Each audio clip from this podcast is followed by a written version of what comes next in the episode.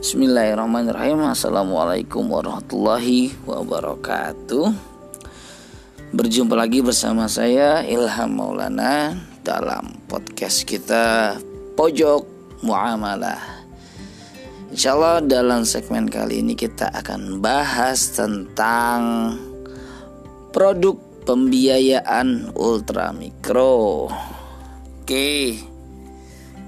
Ah, Mungkin kawan-kawan sudah tahu lah apa itu pembiayaan ultramikro. Namun alangkah baiknya akan kita bahas sedikit tentang produk ini yaitu simpelnya ya simpelnya sih produk pembiayaan ultramikro ini adalah di mana seorang nasabah mengajukan pembiayaan pada LKS tertentu hmm, dalam pengajuan barang atau jasa yang bersifat sangat kecil gitu ya. Mungkin contohnya misalnya eh, nah tukang nasi goreng mengajukan biaya untuk pembelian gerobak. Atau itu untuk yang barang. Dan untuk yang jasa misalnya dalam pembayaran eh, SPP begitulah. Nah dalam produk ini pembiayaan ultramikro ini dibagi menjadi dua yaitu multi jasa dan multi barang. Bedanya hanya di situ. Apabila multi barang ya objek yang menjadi uh, tujuan pembiayaannya adalah barang. Kemudian untuk multi jasa objek dari pembiayaannya berupa jasa Nah, tadi sudah di saya sampaikan contohnya tukang barang mungkin pembelian gerobak nasi goreng, kemudian kalau yang untuk multi jasa pembayaran SPP sekolah anak lah gitu. Nah,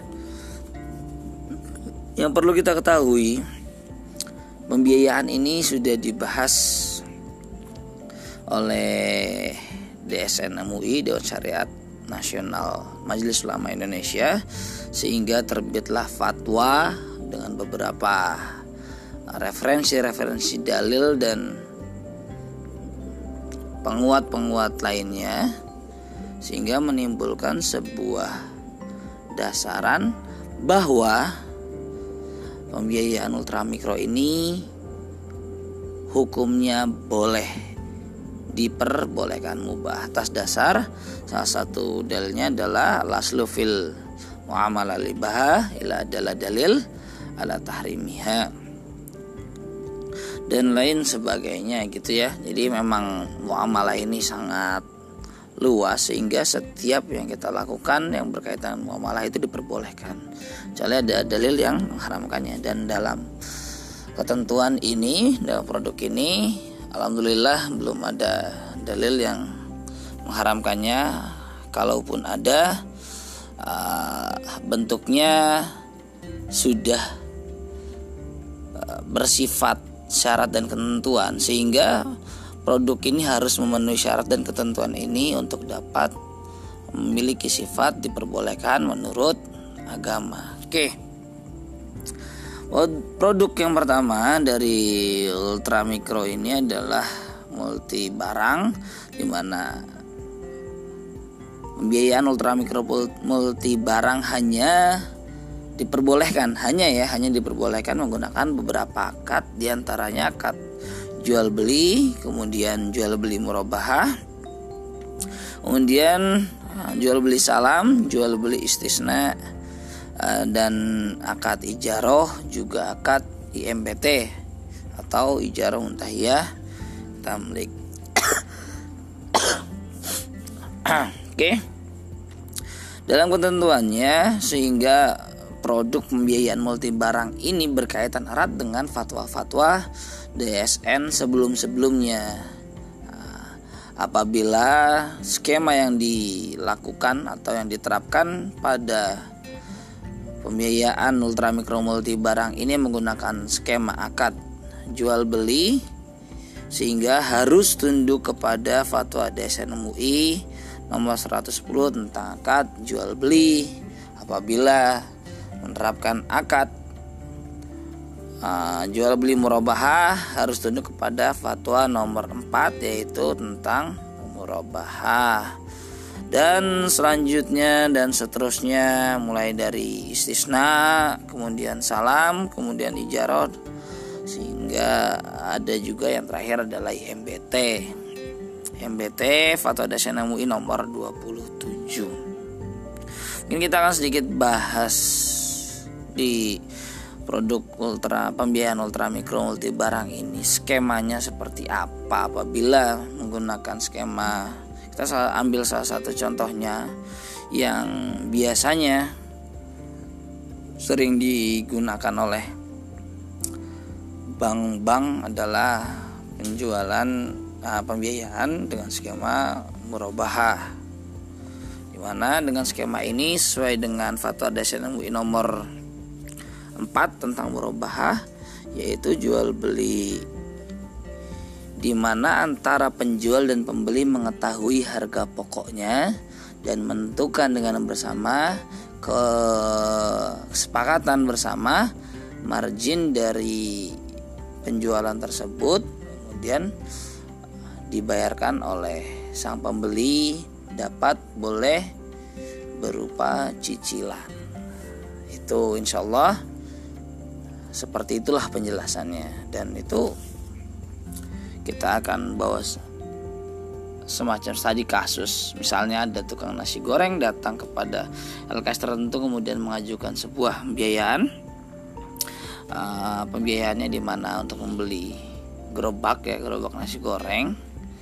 Lalu kemudian uh, pihak LKS ini menyetujuinya dengan akad jual beli murabahah uh, LKS ini mencarikan mencarikan gerobak.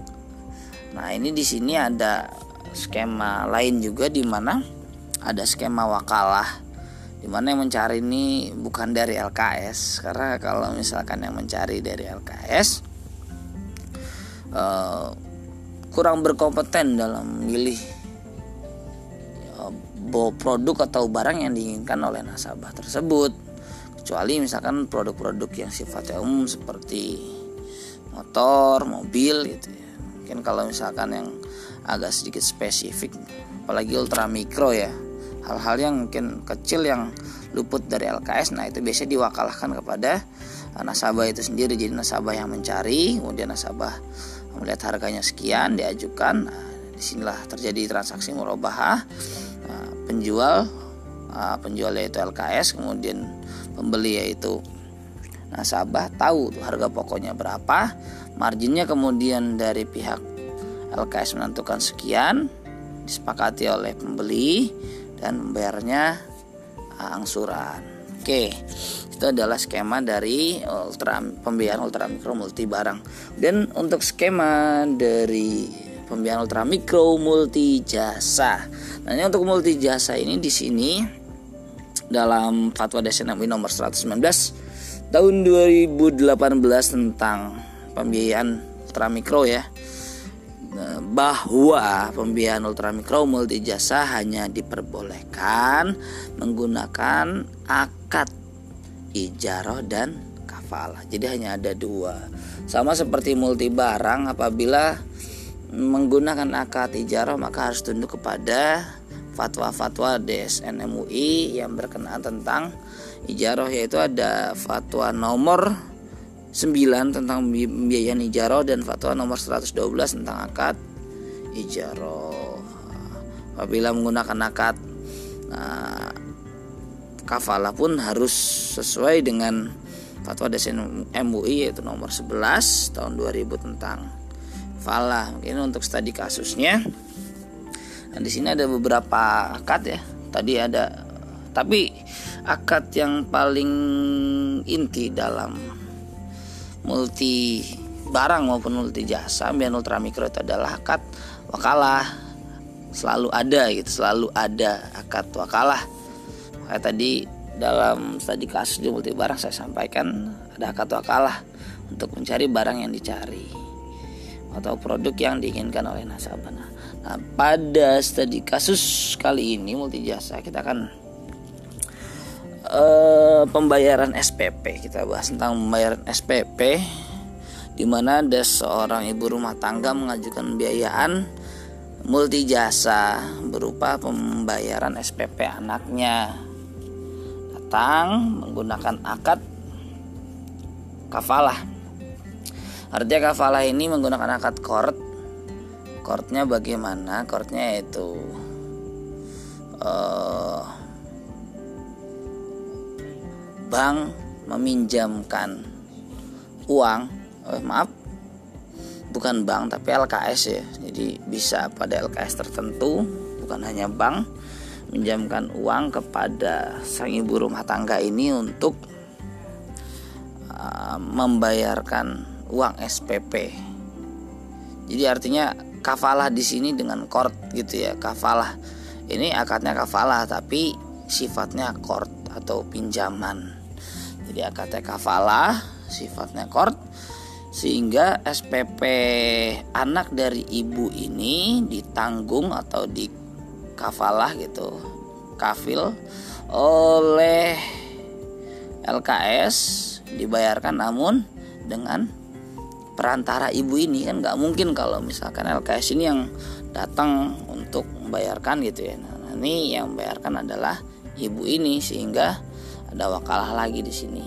Wakalah uang dari bank diwakilkan kepada ibu ini untuk dibayarkan SPP nah, setelah dari situ maka timbullah ya namanya kafalah bil ujroh artinya bagaimana?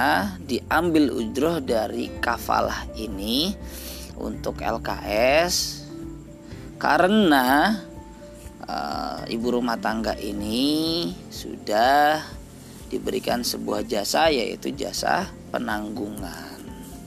Si ditanggung jadi jasanya berupa tanggungan.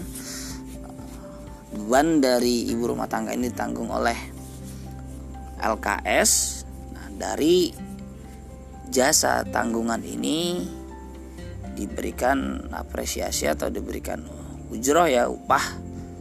Itu sehingga timbullah hasil akad kafalah bil ujro itulah skema yang sering terjadi pada pembiayaan multi jasa di lembaga keuangan syariah oke eh, sampai saat ini mungkin kesimpulannya adalah bahwa pembiayaan ultramikro ini dibagi menjadi dua multi barang dan multi jasa dan sifatnya mubah atau diperbolehkan dalam agama dengan beberapa ketentuan tertentu. Untuk multi barang harus menggunakan akad uh, jual beli murah atau murabahah atau istisna atau salam atau ijarah atau IM PT dan khusus untuk multi jasa ini menggunakan dua akad saja yaitu adalah ijarah dan kafalah namun harus tetap menggunakan akad-akad yang eh, menggunakan akad yang selalu menjadi acuannya yaitu akad wakalah. Oke, sampai di sini saja pembahasan kita tentang pembiayaan ultramikro. Setelah ini akan ada beberapa bahasan-bahasan lainnya di segmen-segmen berikutnya.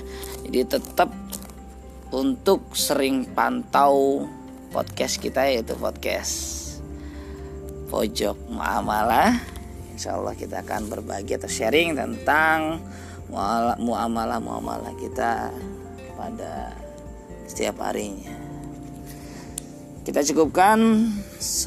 Jangan ke mana-mana sampai berjumpa lagi. Assalamualaikum warahmatullahi wabarakatuh